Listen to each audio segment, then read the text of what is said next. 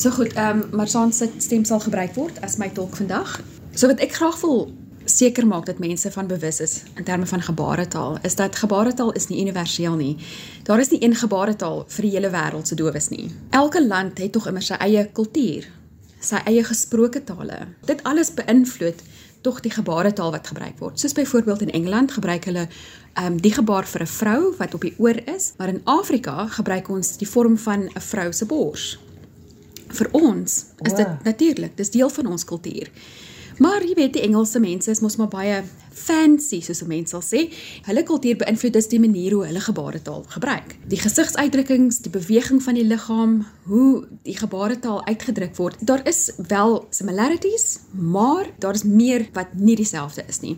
En as jy kyk na die geskrewe taal van Chinese byvoorbeeld, dis nie die Engelse alfabet of die Afrikaanse alfabet soos ons hom gebruik nie. Dis heeltemal anders en dit beïnvloed tog die vorm en die handvorm van die gebaretaal wat hulle gebruik. In Amerika gebruik hulle die letter T byvoorbeeld en in Suid-Afrika is dit 'n vloekwoord. so 'n mens moet kyk na wat gebruik word in jou land. So gebaretaal is nie universeel nie en dit sal ek graag wil uitlig. Waar is jy gebore? Vertel my 'n bietjie van wie Susan is. Sekerlik ja, ek is gebore in ehm um, Gauteng in Soweto en ek het groot geword daar. Ek het na 'n skool vir dowes gegaan, Dominican skool vir dowes, Hammanskraal. En ek was daar tot ek mm, oud was ek, sjoe, dit was so lank terug. Ehm um, ek kan nie onthou wat die jare klaar gemaak het nie, maar daarna um, het ek geskuif na 'n ander skool toe want hulle het nie matrikulasie aangebied by Hammanskraal nie. Toe het ek gegaan na 'n nuwe skool toe en dit was om en by die tyd wat Mandela vir ons die vryheid gebring het in 1994. In 1993 het ek geskuif na 'n ander dowe skool toe. My familie waar ek nou nog drie ander susters het, daar is 3 van ons wat doof is.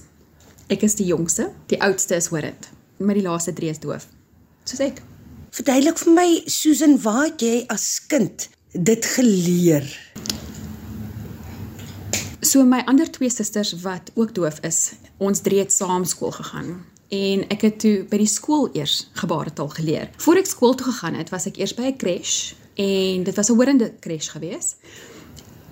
Toe ek gebore was, was ek horend en ek het later eers my gehoor verloor op die ouderdom van 3 jaar. Wow. Maar my ouers het besluit ek moet aanbly by die crash. Toe ek 7 jaar oud was, het ek eers na skool vir dowes gegaan en toe het ek vir die eerste keer gebaretaal geleer tot waar ek nou is jou hele gesin, jou jou ouers veral wat kan hoor nadat jy doof geraak het, moes hulle dan gebaretaal aangeleer het.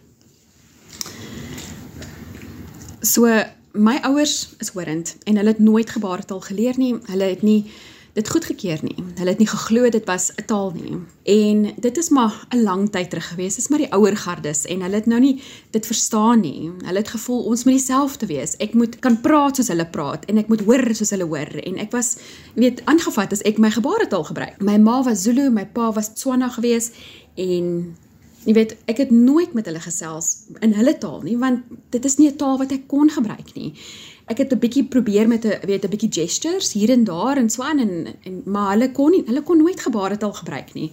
Ek moes maar altyd net lip lees. Ons het regtig hard probeer, maar hulle wou net nie en hulle kon net nie gebaretaal gebruik nie. Die res van my hoorende familie het nooit gebaretaal geleer nie en ek moes maar net altyd vir hulle lip lees.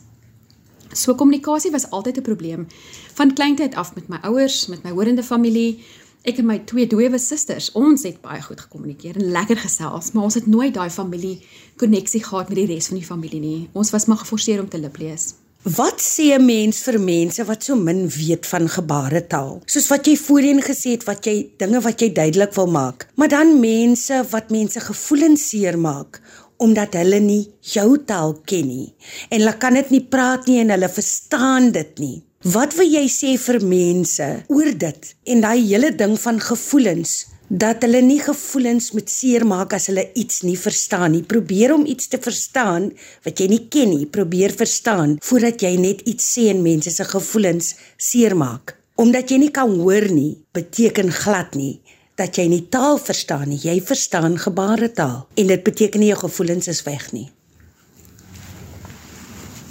Dit is baie waar. My ervaring toe ek groot geword het, het so ek nou sê, dit was vir my baie sleg geweest.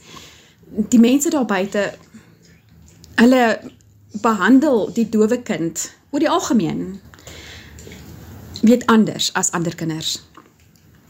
En ons het ons eie taal. Moenie aanneem dat net horendes 'n taal het nie. Gee die kind wat die beste is vir daardie kind om beter toekoms te kan bied. En vir ons is dit 'n taal en vir ons spesifiek is dit gebaretaal. Baie van ons dowes ly onder erg trauma van in die skole wees en basies gesê word jy mag nie jou taal gebruik nie. Daar is trauma. Daar is woede. En families wat nie die dowes se opinie uh, verstaan of enigstens ondersteun nie en altyd net sê die horende onderwyser weet van beter, maar omdat ons nie daai kommunikasie het van weet tussen die familielede nie, mis ons daardie liefde en daardie koneksie met ons families. As ons taal het wat ons kan deel met mekaar, 'n dowe kind en 'n horende ouer, dan is ons toekoms waarwyd oop. Ons kan enigiets kies om te doen. Meeste van ons dowes wat nou nie eens kan werk nie, hulle almal moet maar net SASSA geld kry, want niemand wil vir hulle geleentheid bied nie. En die opvoedkunde van hulle tyd was so swak geweest. Maar in my geval het ek 'n vriendin gehad op skool wat regtig 'n oulike familie gehad het. En ek het gesien hoe haar familie haar ondersteun. En dit het my laat voel my familie is nie dieselfde nie, sekerlik. Maar ek het die keuse om my eie toekoms te kies. En so het ek vandag 'n dosent geword by Stellenbosch Universiteit. En ek het hard gewerk om dit te kan bekom. Ek is so geweldig trots op jou en eintlik ook so emosioneel oor jou storie. Vertel my 'n bietjie van jou werk. Was dit 'n droom om ander te leer? Wel om eerlik te wees, my eerste droom was iets heeltemal anders. My my drome was soos enige ander kind gewees, maar met baie minder opsies, want ek het nooit geweet wat my opsies kan wees nie. Daar was nooit vir my gevra wat wil jy word eendag nie. Daar was maar net vir my gesê wat my toekoms gaan wees, want ek is doof. My opsies om enigstens verder te studeer was baie min gewees. En daar was my gesê wel, daar's nie 'n tolk vir jou om verder te studeer nie. Jy kan nie hiernatoe nie, jy kan nie daarnatoe nie. En ehm um, van die een skool moes ek na 'n ander skool beweeg want daar was byvoorbeeld nie matriek gewees nie. Die opsies wat ek gehad het was min. Die uitstappies was nog minder. Ek het nie geweet wat my opsies is vir die toekoms nie. Ek het maar gekyk wat my vriende doen en dit het ek maar dieselfde gedoen. So ek het gaan um, skoonheid studeer. 'n Kursus gedoen om facials en daai tipe van goeders te doen. En toe het ek besef maar die kliënte kan nie met my kommunikeer nie en dit het nie goed gewerk nie en ek moes dit toe maar daar laat. Toe ek weer verder gaan probeer studeer en ek het graphic design gaan doen. En toe ek werk soek, wil niemand vir my die werk aangebied het nie of die kans vat om vir my werk te bied nie. En toe was daar auditions gewees. Hulle het gesoek na 'n dowe persoonlikheid wat op TV aanbieding kan doen. Ek het gegaan vir die auditions en ek het dit toe gewen. En later het ek ook 'n klein bietjie akteurwerk gedoen. Maar die kontrak het geëindig, toe ek maar weer terug by die huis. En toe het ek regtig gesit en dink, wat wil ek hê? Wat is vir my bestem? Toe was daar 'n tolk gewees wat 'n gebaretaal ondersteuningsorganisasie wou begin. The Sign Language and Education and Development SLED is die organisasie se naam waar hulle gebaretaal materiaal probeer ontwikkel vir kinders, literatuur vir dowe kinders om gebaretaal te bevorder in hulle leerproses in hulle skooltyd. Daar het hulle gesien ek het 'n goeie vaardigheid vir storie vertel mm. en vir gedigte skryf. En ek het nooit gedink dat ek enigsins 'n onderwyser of 'n iemand sal wees wat 'n dosent is nie. Maar hulle het vir my dit mooi verduidelik en ons het 'n bietjie geoefen en saamgewerk en op die einde van die dag het hulle vir my mooi geleer wat die beste manier is om horende studente te leer. Gebaretaal gebruik. En dit het toe my passie geword iets wat ek nie gedink het ooit kon nie. Ek sign my eie poesie. Ek was deel van 'n wits ehm um, fees gewees byvoorbeeld.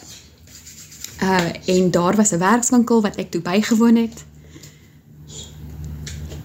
En toe ek besef, wag, weet jy, ek kan eintlik verder studeer en ek het toe 'n beurs gekry om verder te studeer by Wits Universiteit. En ek het gebaretaal linguistics gedoen. Ek het my honeurs daar klaar gemaak en ek was baie trots daarop.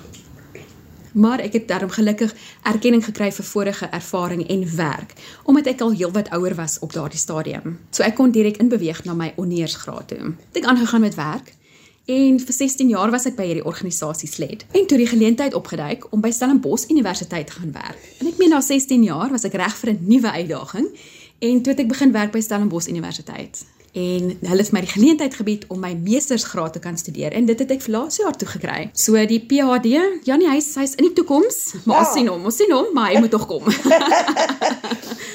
Wat sê jou hart gelukkig maak, Susan? Ek moet sê, dit maak my hart gelukkig om te kan werk by Stellenbosch Universiteit. Dit is my passie om aan te gaan met wat ek doen en 'n dokter te word, 'n boek te skryf eendag waar ek die outeur is iets te begin in daardie departement waar ek is by algemene taalwetenskap sodat daar eendag meer dowes is wat verder kan studeer en nog meer kan werk by Stellenbosch Universiteit. Nie net ek alleen nie, maar dat ander dowes ook gebaretaal linguistiek kan kom studeer sodat hulle hulle eie taal kan eien en self kan ontwikkel. Dis my droom en dis die legacy wat ek graag wil laat.